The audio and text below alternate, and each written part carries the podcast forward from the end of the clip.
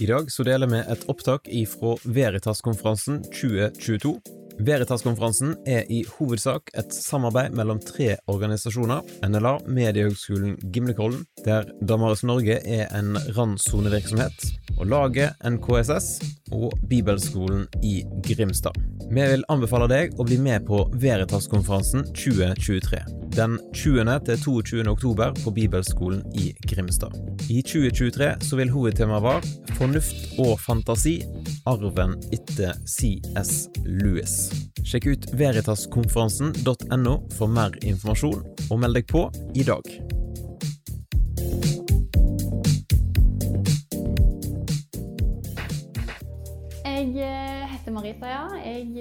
For de som ikke kjenner meg, det er noen kjente fjes her, så eh, var jeg her på BIG i fjor. Var skoleassistent. Nå studerer jeg i Oslo, studerer psykologi. Og har òg tatt en bachelor i teologi i Oslo, på Fjellhaug. For Er det noen fra Fjellhaug her? Ja, så gøy. Kjekt. Det er en fin plass. Så jeg syns det er veldig spennende med denne koblingen mellom psykologi og teologi. Så veldig kjekt å få lov å snakke litt om det i dag. Eh, og jeg håper òg at dere kommer til å synes at det, det er noen, eller se at det er noen spennende koblinger der da, i løpet av dette seminaret. Så Tittelen på seminaret er 'Kan troen på Gud gi meg bedre livskvalitet?' Og jeg tror at dette her med livskvalitet er noe som de fleste av oss er opptatt av. Vi er opptatt av å ha et godt liv.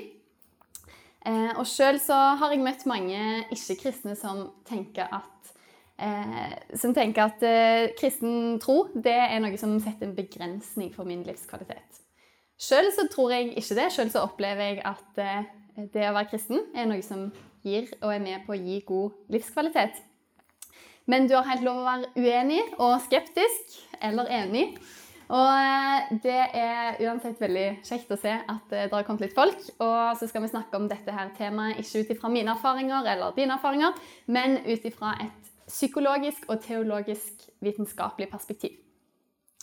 Og som dere ser, så der, eh, har jeg òg valgt en undertittel her. 'Psykologien og teologiens perspektiv på kildene til et meningsfullt liv'. Og det er rett og slett fordi livskvalitet er et ganske sånn stort og omfattende psykologisk begrep som er litt vanskelig å diskutere på 45-60 minutter. Så eh, Derfor skal jeg fokusere litt inn på dette her med å oppleve livet som meningsfullt. For det er noe som man har funnet ut at gjennom forskning så har man, har man funnet ut at det er en eh, del av det som påvirker vår livskvalitet. Så Derfor eh, så er altså hovedspørsmålet det hva er kildene til et meningsfullt liv? Og vi skal se på det eh, i psykologisk og teologisk perspektiv. Til slutt så blir det mulighet til å stille spørsmål, så hvis dere lurer på noe underveis, eller sånt, så er det bare å skrive det ned, og så tar vi det til slutt. Så før vi går inn i dette spørsmålet, hva er kildene til et meningsfullt liv, så må vi snakke litt om metoden til de to eh, disiplinene, til psykologien og teologien. Eh, for den er litt ulik for de når det gjelder dette spørsmålet her. Psykologien den eh, kan svare på hva kjennetegner mennesker som opplever livet som meningsfullt. Eh, hva, hvordan får man en subjektiv opplevelse av at livet er meningsfullt? Teologien, da nærmer vi spørsmålet hva er meningen med livet? Og hvordan lever jeg i samsvar med, med den meningen, med det som Gud eh, har meint for mitt liv, da.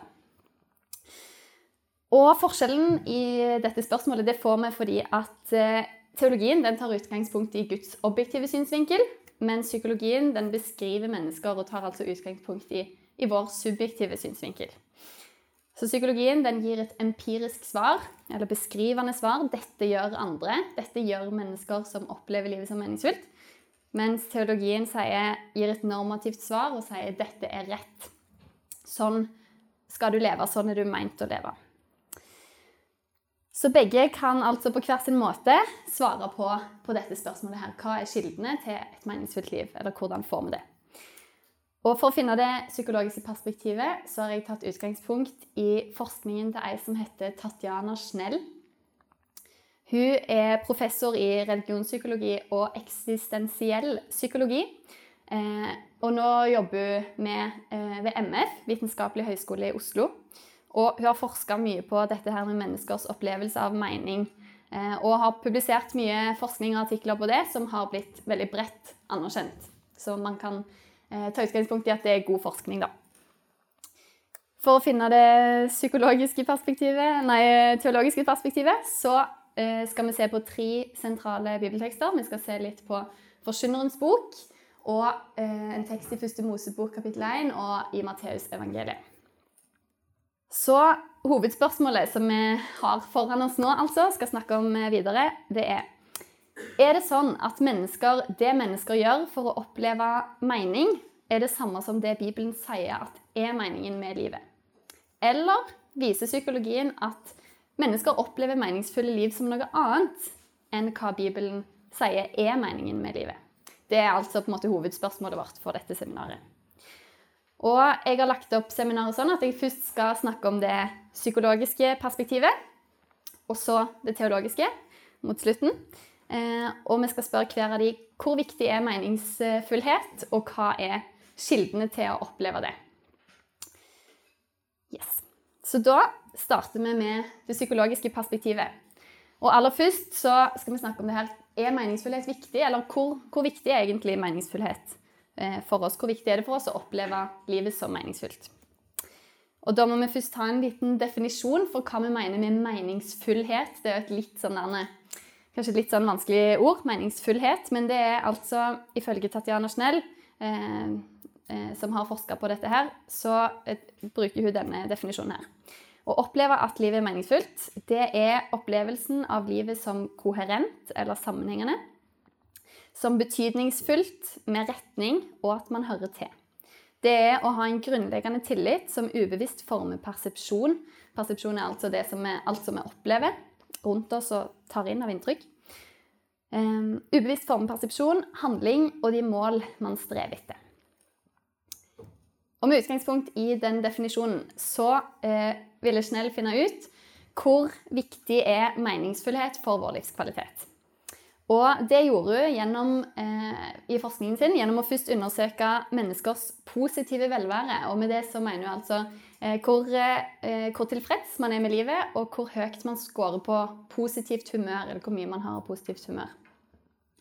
Og I tillegg til det så forska hun på, eller undersøkte andre psykologiske faktorer som hun tenkte at kanskje kan påvirke hvor, man, hvor, hvor, hvor høyt man scorer på positiv velvære. da. Og noe av det hun fant ut, var at eh, som, noe av det som påvirka positiv velvære veldig mye, det var vår opplevelse av meningsfullhet. Og eh, hun fant altså ut at eh, mening eller opplevelsen av mening det var årsaken til 48 av hvor høyt man scorer på positiv velvære. Så hvis hele denne sirkelen her da, er hvor mye hver og en av oss har eh, av positiv velvære, så er det på en måte 48% av det som handler om hvor mye mening vi opplever å ha i livet. Hvor, eh, hvor høyt vi scorer på meningsfullhet. Og det gjelder uansett om man, om man, har høy grad av positiv velvære eller lav grad av positiv velvære. Da. Så det vi kan konkludere med, er at mening har veldig mye å si for hvordan vi har det, vår opplevelse av mening, enten vi har det bra eller dårlig. Hvis vi går til populærpsykologien, altså litteratur eh, i psykologien som, som, vil formidle psykologi til, eh, til folk flest, så er det òg veldig mange bøker som ser ut til å løfte fram opplevelsen av mening som viktig. Eh, kanskje kjenner dere til noen av disse bøkene. 'The Purpose Driven Life' av Rick Warren. Eller Viktor Frankel sin 'A Man's Search for Meaning'. Eller Jordan P Peterson sin 'Maps of Meaning'. Eller noen av disse andre. Det er i hvert fall eksempler på, på bøker som er opptatt av dette her med Eh, opplevelsen av mening eller hensikt i livet. Og vil hjelpe oss til å oppleve det. Så vi har sett at eh, mening det er viktig for oss å oppleve mening i livet. Men hva er da kildene til å faktisk oppleve det? Hvordan kommer man dit? Hva kjennetegner mennesker som opplever å ha høy grad av mening i livet? Snell hun har funnet eh, fram gjennom forskningen sin til fire eller egentlig fem kilder til meningsfullhet, som dere ser her.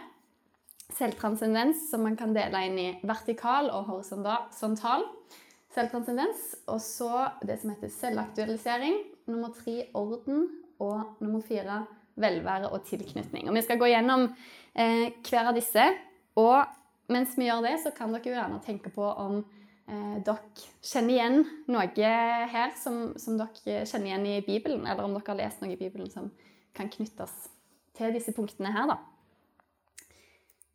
Det første punktet, selvtranscendens, det handler om forpliktelse å forplikte seg til objekter utenfor sine egne umiddelbare behov. Ordet selvtranscendens betyr på en måte å se utover seg sjøl, eller å, å se um, at en er en del av noe større. da. Det kan f.eks. innebære å hjelpe noen uten å forvente å få noe tilbake. Eh, og som dere ser, så kan vi dele det inn i to underkategorier horisontal selvtranscendens, som en horisont er jo eh, vannrett, ikke sant? så det handler om på en måte eh, denne retningen. Eh, vertikal oppover. Så den vertikale selvtranscendensen den handler da om eh, religiøst fellesskap og individuell åndelighet. Eh, så det at man er en del av et religiøst fellesskap og praktiserer individuell åndelighet, og at man har en forpliktelse, sånn som det kommer fram i den øverste linja her, sant? at man forplikter seg til dette, det er noe av det som kjennetegner mennesker som opplever livet som meningsfullt. Eh, og oftest så er religiøsitet og åndelighet eh, og helse knytta positivt sammen. da. Sånn at hvis man har høy grad av det ene, så har man òg høy grad av det andre, som regel. Ja. Så har vi den horisontale selvtranscendensen eh, som handler om å ta ansvar for noe i verden, verdslige forhold, eh, som er utenfor mine egne bekymringer eller det som på en måte gagner meg å ta ansvar for. Da. Det kan innebære å ta vare på naturen eh, eller å hjelpe mennesker uten å få noe tilbake. Så begge disse to formene for selvtranscendens eh, I begge disse formene så er dette her med forpliktelse eh, et, et stikkord da, og viktig. Så det har noe å si fordi at en praktiserer på en måte ikke vertikal selvtranscendens hvis en går i kirka på julaften, men aldri ellers, f.eks. Eller horisontal selvtranscendens hvis en blir oppringt av Norsk Folkehjelp og tenker ok, nå skal jeg liksom sjekke av den horisontale selvtranscendensen for å få mer mening med livet, så derfor så gir jeg eh, 200 kroner denne gangen, og så blokkerer jeg nummeret etterpå, liksom, så slipper jeg å tenke på det mer. Det er ikke sånn det funker. Eh, så horisontal og vertikal selvtranscendens, så er dette med forpliktelse eh, viktig. Og òg evne og vilje eh, til, eh, til, dette her, da. Eh, så, og dette med vilje er òg litt viktig, fordi eh, det handler ikke om at man kan Man kan på en måte ikke bare tenke at nå skal jeg gjøre dette for at jeg skal få mer mening i livet. Men, men det at du faktisk har et genuint ønske om å leve på denne måten, er òg en forutsetning for at det skal være en kilde til opplevd meningsfullhet. OK. Så har vi selvaktualiseringsaspektet, eller eh, den kilde nummer to, da, på en måte. Den er kanskje litt lettere å forstå. Den handler om å bruke og utfordre og dyrke sine egne evner. Finne ut hva du kan, eller hva du kan bli god på. Eh, og, eh, og bruke det, gjøre det, bli bedre på det, og, og bruke det til å skape noe. da. Være kreativ. Punkt nummer tre orden. Det er litt mer sammensatt. Det handler om å holde fast på verdier, på det praktiske og på det anstendige og det som er velprøvd. Eh, og noen nøkkelord er eh, tradisjon og moral. Og det virker altså som at det på en måte å ha noen rammer for livet, eh, gjerne begrensende rammer, hvis man vil bruke det ordet, eh, kan gi, og kan gi meningsfullhet. Da, en opplevelse av det så er det siste punktet her velvære og tilknytning. Det handler om å nyte det gode i livet, både privat og i fellesskap. Og det handler om å søke trøst og omsorg når en trenger det, men òg harmoni eh, og fornøyelse. Sammen med andre, da. Eh, og Chanel skriver at det her om å bry seg om seg sjøl og å bry seg om andre, det er noe som henger veldig tett sammen. Og til slutt så sier Chanel òg at det er sånn at jo flere av disse kildene du benytter deg av, jo mer eh, meningsfullhet vil du få. da. Så det er på en måte ikke sånn at jeg kan tenke sånn ah, jeg fokuserer liksom kun på selvaktualisering og bruker meg sjøl, og alt sånn, og så dropper jeg alt det andre. Da vil jeg liksom få masse meningsfullhet i livet. Eh, ja, selvaktualisering er en kilde til meningsfullhet, men, men eh, jo flere kilder man benytter seg av, jo mer, eh, ja, jo mer meningsfullhet vil man da altså oppleve. Ok, litt mye info. eh, men nå beveger vi oss videre til teologiens perspektiv. Eh, så det første vi spør om da, er er meningsfullhet viktig når vi går til teologien. Er, er det noe som Bibelen er opptatt av i det hele tatt? Og Bibelen eh, beskriver dette her temaet, menings, meningsfullhet eller meningstema, det diskuteres på to måter i Bibelen. For det første så beskriver Bibelen menneskers eh, lengsel og leiting etter mening. Og for det andre så gir Bibelen et svar på den lengselen og sier at ja, det er, faktisk, det er en faktisk og objektiv mening med våre liv. Og vi skal på, gå litt i dybden på begge disse. Så for det første, Bibelen beskriver at mennesker lengter og leiter etter en opplevelse av mening. Eh, og i Bibelen så er det faktisk en hel bok som er dedikert til dette temaet.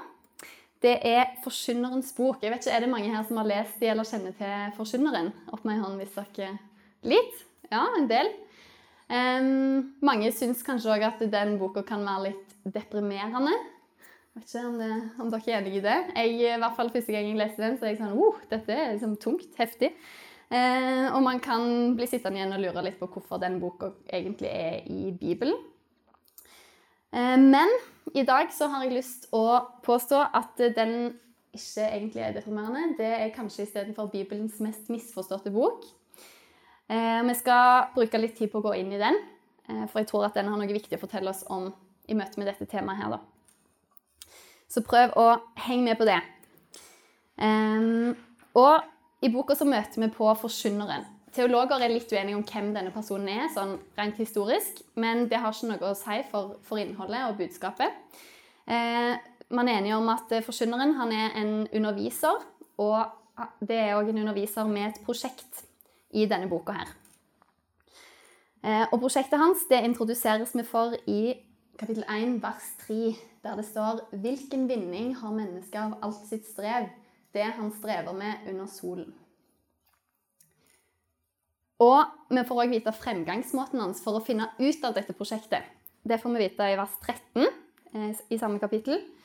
Da sier han Jeg la meg på hjertet å undersøke og granske med visdom alt som blir gjort under himmelen. Så det er altså ikke et lite prosjekt han har. Han skal granske alt som har blitt gjort under himmelen, alt mennesker har gjort gjennom historien, for å finne ut hva, eh, hvilken vinning mennesket har av alt sitt strev under solen. Hva kan han få ut av livet? Et ganske stort prosjekt. Og uansett hvor denne forkynneren leter, om han leter i visdom, i nytelse, i makt, i prestasjoner, i suksess Uansett så ender han opp med den samme depressive konklusjonen. Alt er tomhet. Tomheters tomhet, alt er tomhet. Den konklusjonen møter vi på helt i begynnelsen og helt i slutten av boka, eh, i kapittel 1, vers 2 og 12,8. Men òg gjennom hele boka så, eh, så ender han liksom hele tida opp med dette her, da. Eh, og det hebraiske ordet for tomhet, det betyr egentlig at eh, Det kan òg bety at, at alt er forgjeves og forgjengelig. Det er som å prøve å fange røyk, eller som å jage etter vind. Man kommer altså ingen vei uansett hva man prøver på, da. Og Forkynneren begrunner denne konklusjonen eh, med to ting. Det er ikke bare en, liksom, en, følelse han har, at ja, det er veldig meningsløst. Nei, han har en god begrunnelse. Og det er at eh, uansett så eh, alt som, Uansett så er det noe som vil ødelegge alt som vi kan oppleve som meningsfullt og godt. Og det er eh, døden. Alt, alle skal dø en gang. Og at alt en dag kommer til å bli glemt. Alt det jeg gjør, kommer til å bli glemt. Så Derfor så er det ingenting av det vi gjør i livet som betyr noe. Ingenting eh, eh, blir på en måte stående igjen fordi alle skal dø, og alt kommer til å bli glemt. Det betyr at alt er meningsløst, og det finnes ingen vinning av livet under solen. Ganske så tungt, for å si det sånn. Men hvordan i all verden er, er dette et argument for at Bibelen sier at det å oppleve mening er viktig? tenker du kanskje da. Hvis konklusjonen er at livet er at alt, eh, alt i livet er meningsløst. For det første så tror jeg denne boka sier at mening er viktig for oss. Eller den viser oss det, fordi det er helt tydelig at forkynneren er ikke fornøyd med konklusjonen sin. Han søker i fortvilelse stadig flere plasser og bruker nye metoder for å finne noe annet, i håp om å finne noe annet enn tomhet og meningsløshet. Så Derfor så viser boka oss, eh, at, viser oss en av de dypeste sannhetene med oss mennesker. da. At vi lengter etter noe, som er meningsfullt, og noe som er evig meningsfullt. Noe som ikke ødelegges av tidens tann og den dødsdagen som vi alle har i vente. da. Så det ser ut til at menneskets subjektive opplevelse av mening i livet det forutsetter at det fins en faktisk og overordna objektiv mening som er evig. Og så tror jeg i tillegg at eh, denne boka faktisk vil fortelle oss at det, det er mulig å finne eh, mening i livet. Det er mulig å oppleve det. Fordi den endelige konklusjonen i denne boka er faktisk ikke at alt er tomhet. Eh, for å forstå hva den egentlige konklusjonen er, så må vi være klar over to ting. For det første, forkynneren han har et sekulært prosjekt. På den tida som denne boka ble skrevet, så sekulært, det vil si at ja, man tror Gud fins, eh, men man tror ikke på et liv etter døden. Det er en del av forkynnerens forutsetning i denne boka. Det nevner han òg eh, inni der. Eh, at han eh, ikke forutsetter at det er et liv etter døden. da. Og vi har sett at forkynneren stiller spørsmål ved meningen med livet under solen. Han undersøker eh, han undersøker dette her ved å granske det som skjer under himmelen, leste vi i vers 13 òg. Så han begrenser sitt prosjekt til det sekulære perspektivet, og derfor så ender han opp med konklusjonen at alt er tomhet. For uten noe evig perspektiv, uten noe liv etter døden, så er, eh, så er det døden som vil få det siste ordet, og mitt liv vil bli glemt. Den andre nøkkelen til å forstå at eh, det ikke er at alt er tomhet som er konklusjonen her, det er at det er faktisk to stemmer som taler i denne boka. Eh, han taler i hoveddelen, i største, største delen av boka, men så er det en annen stemme. Og det er forfatteren eller redaktøren som på en måte rammer inn forkynneren sitt budskap og vil hjelpe oss til å forstå hva dette budskapet egentlig er. Og gir oss tolkningen, da. Og han Eh, forfatteren han konkluderer eh, i kapittel 12, som er det siste kapittelet, så skriver han i vers 10 at forkynnerens ord er sanne og gode. Eh, men grunnen til det er det som han kommer etterpå, og det handler om at konklusjonen, eller forkynneren sine ord de hjelper oss til å forstå at vi trenger Gud. Og Derfor så ender han opp med siste konklusjon i vers 13 og 14, de to siste versene i boka at den endelige konklusjonen blir 'frykt Gud og hold Hans bud'. For Gud skal dømme hver gjerning, holde dom over alt som er skjult, enten det er godt eller ondt. Så for å oppsummere disse to budskapene da, til forkynneren og forfatteren, og for å forstå det litt bedre, så kan vi eh, se på det med denne oversikten her. Forkynneren han sier at alt er tomhet fordi eh, alle skal dø, og alt skal bli glemt. Mens forfatteren, han sier alt betyr noe. Fordi alle skal oppstå, og alt skal bli gjort kjent. Så vi kan si at det som skal få gå, det er forgjengeligheten. Forgjengeligheten skal få gå, og tomheten skal tømmes ut. Så med dette her så forteller denne boka oss for det første om menneskets lengsel. Eh, at vi lengter etter mening. Og at for å oppleve virkelig og sann mening i dette livet, og ikke ende opp med konklusjonen til forkynneren at alt er tomhet, så trenger vi en virkelig mening med våre liv. Eh, vi trenger objektivt sett, fra et utenfra perspektiv, så trenger vi å vite at alt betyr noe, som forfatteren sier. Og helt i slutten her så får vi altså et hint om at det, det er eh, nettopp sånn at alt betyr noe. Hele vårt liv og alle våre gjerninger har betydning i Guds øyne. Så teologien den går på en måte lenger enn det psykologien gjør på dette punktet. Den sier at for å kunne ha en subjektiv opplevelse av mening eh, i dette livet, som forkynneren leter etter og lengter etter, så trenger vi å vite at livet faktisk er meningsfullt objektivt sett. Er dere med på den? Hvis ikke, så er vi ikke rusta til å møte dette her, tidens tann, at alt blir glemt, eller at alle skal dø. Og den amerikanske pastoren og timologen, eh, timologen faktisk, teologen Tim Keller Godt ord der. Han eh, sier det på denne måten her. Ironically, only if your meaning in life is rooted in something outside this world, will you actually be equipped for life inside this world.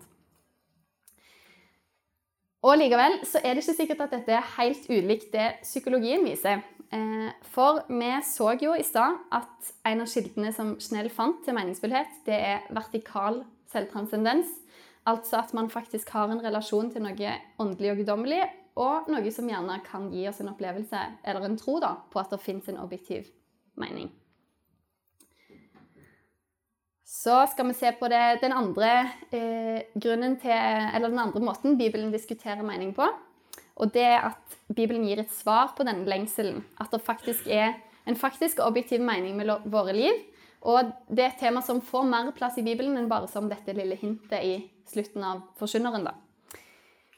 I første Mosebok, kapittel 1, så leser vi om Gud som skaper oss, og han sier òg noe om hvorfor, eller hva han har skapt oss til. Han har en mening med det, med å skape oss. Eh, og videre, gjennom hele GT, så er loven et veldig sentralt tema. Eh, hvor Gud mener noe om hvordan Guds folk skal leve. Israelsfolket får masse bud og forordninger å forholde seg til. Og det er helt tydelig at Gud mener noe om hvordan de skal leve livene sine. I Det nye testamentet så er det tydelig at Jesus mener noe om hvordan vi skal leve. Og både i evangeliene og i brevlitteraturen så er eh, etikk og kristen livsførsel det er et viktig tema som får mye plass.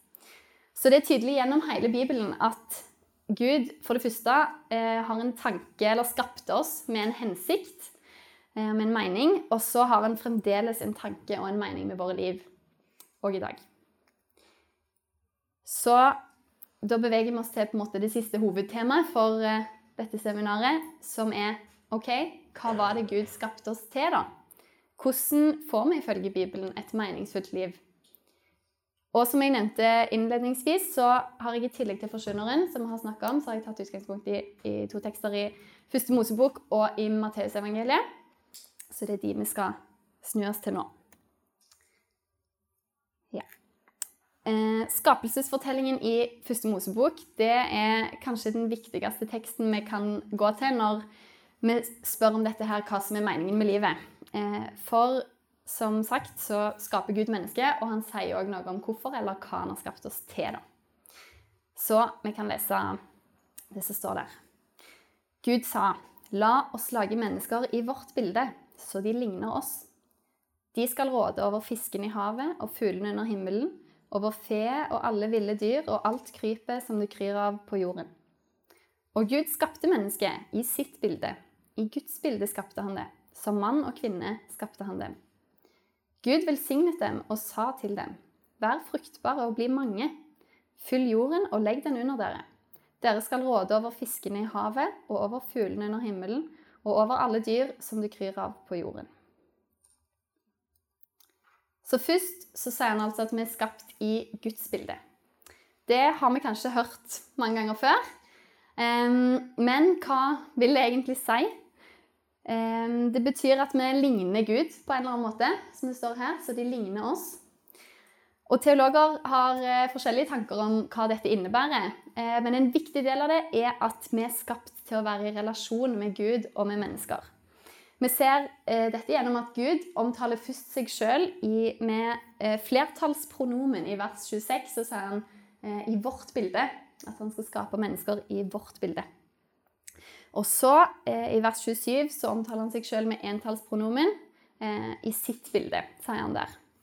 Så vi er skapt til å ligne Gud på den måten at vi er kalt inn i et sånt fellesskap som Gud har med seg sjøl, eh, som Fader, Sønn og Hellig Ånd. Og det, eh, videre i Bibelen så ser vi at det er et fellesskap som preges av eh, ubetinga kjærlighet, frivillig forpliktelse og enhet.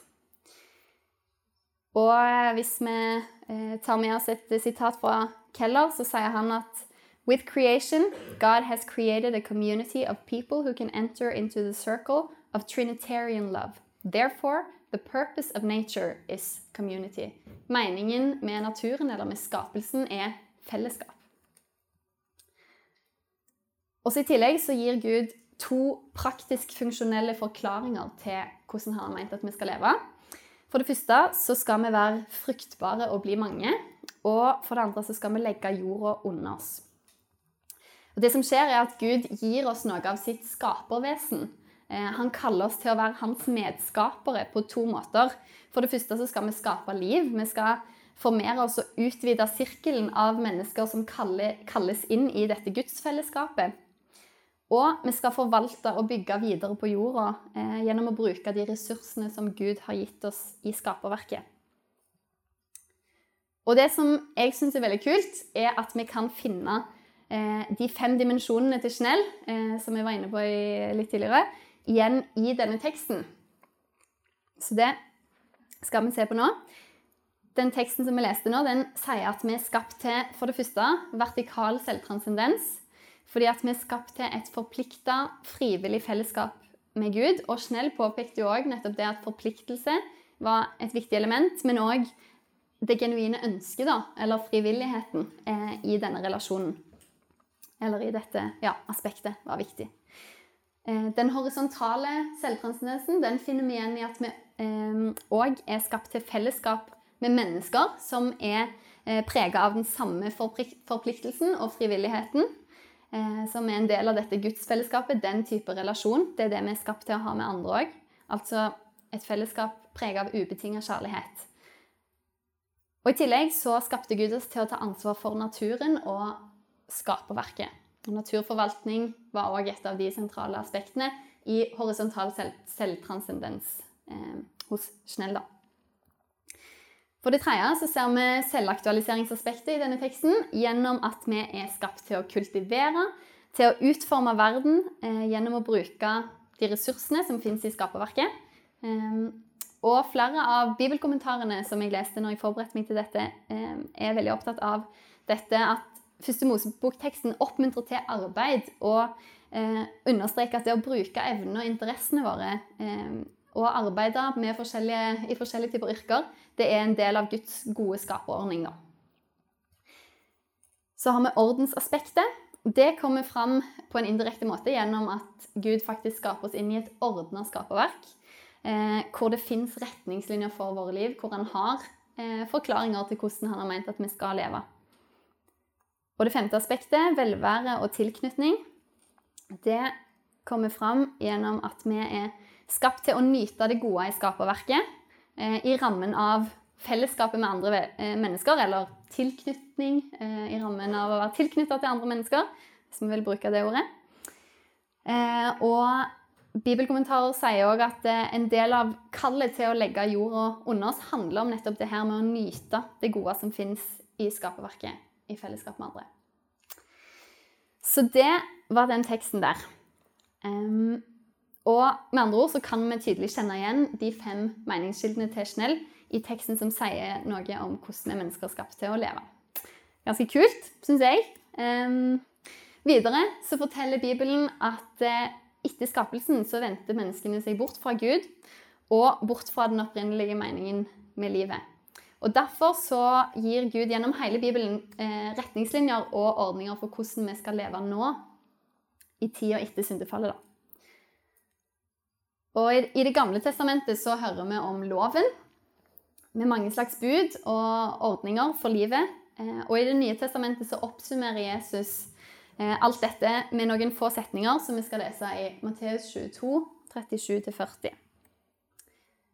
Du skal elske Herren din Gud av hele ditt hjerte, av hele din sjel og av all din forstand. Dette er det største og første budet. Men det andre er like stort. Du skal elske din neste som deg sjøl. På disse to budene hviler hele loven og profetene. Så vi kan se at denne teksten kaller oss til å elske tre eh, objekter. Vi er kalt til å elske Gud, vi er kalt til å elske vår neste, og òg til å elske oss sjøl. Eh, men det blir på en måte antatt at vi gjør det. Det er ikke en like tydelig oppfordring til det.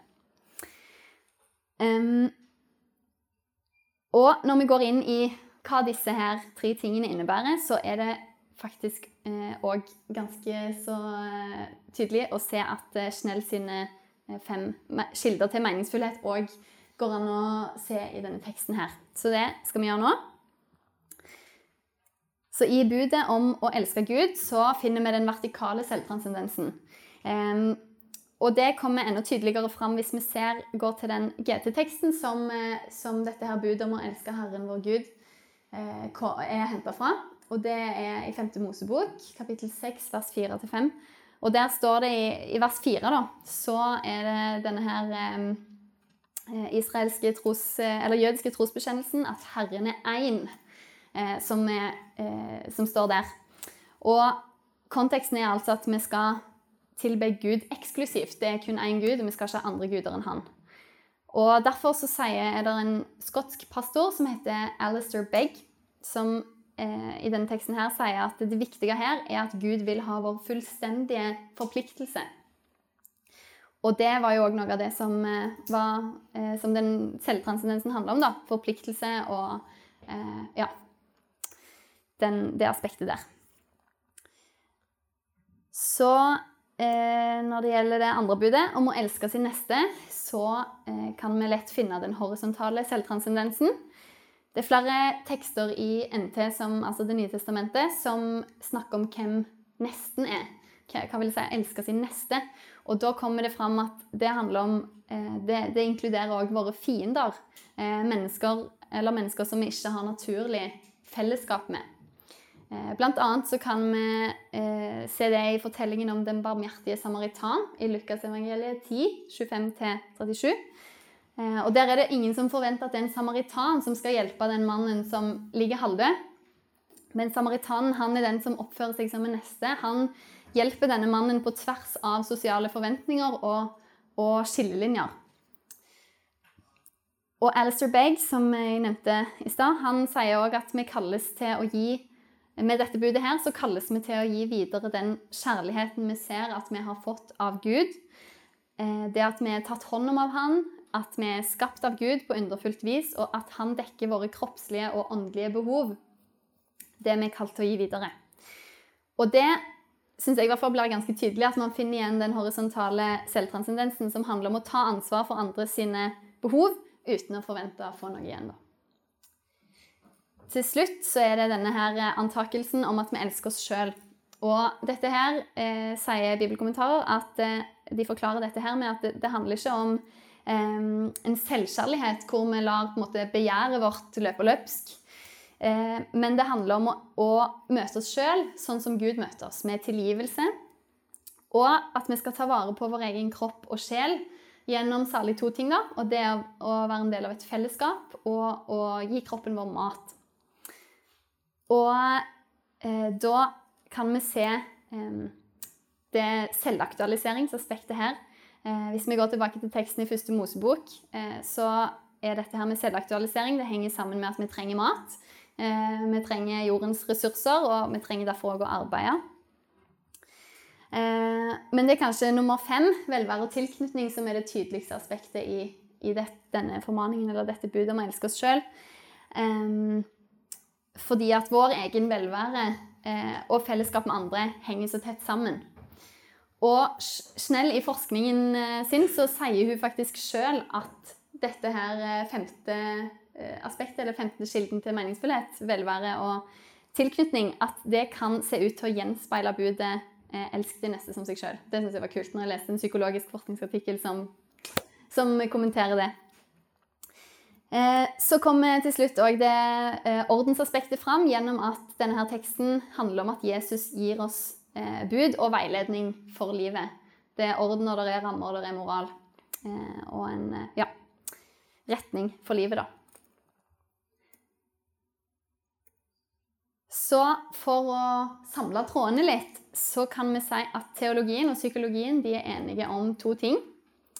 De er enige om at å oppleve mening er viktig for oss for at vi skal ha det bra. Det er noe vi lengter etter. Nummer to, de er enige om hva som skal til, eller hva som er kildene for å oppleve mening. For når vi så på de to tekstene i Bibelen, i første Mosebok og Matteusevangeliet, så er det ganske lett å se at det samsvarer med de fem kildene til mening. da.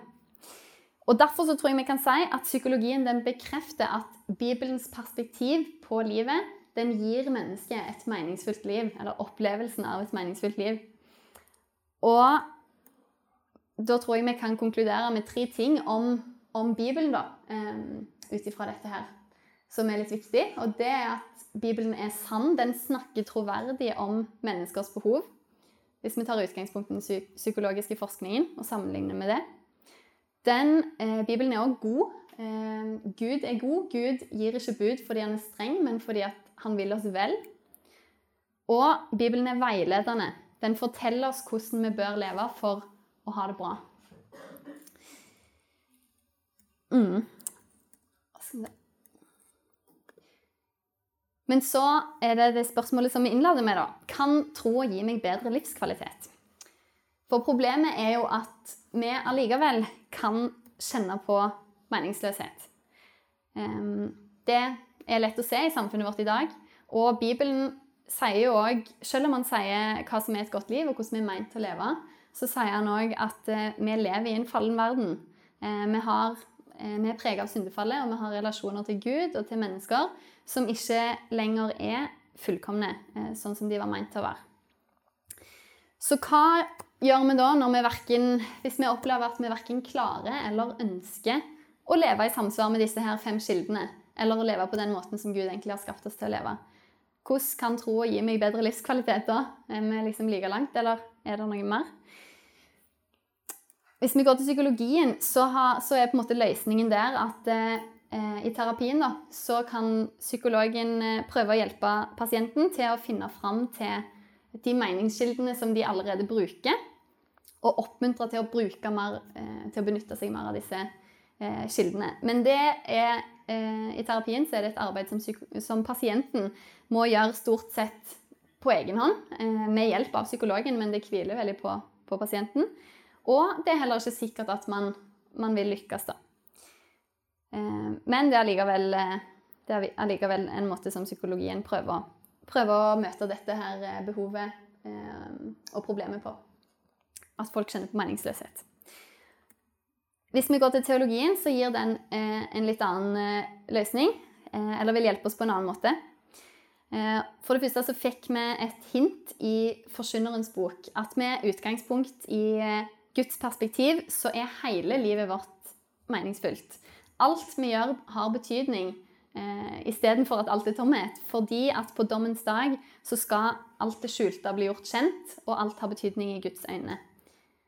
For kristne så betyr ikke det at eh, vi skal bli dømt etter våre gjerninger. Eh, for, en av, for, en del av, Bibelens budskap er jo nettopp at, eh, at vi skal bli dømt etter Jesu gjerninger, etter hans rettferdighet.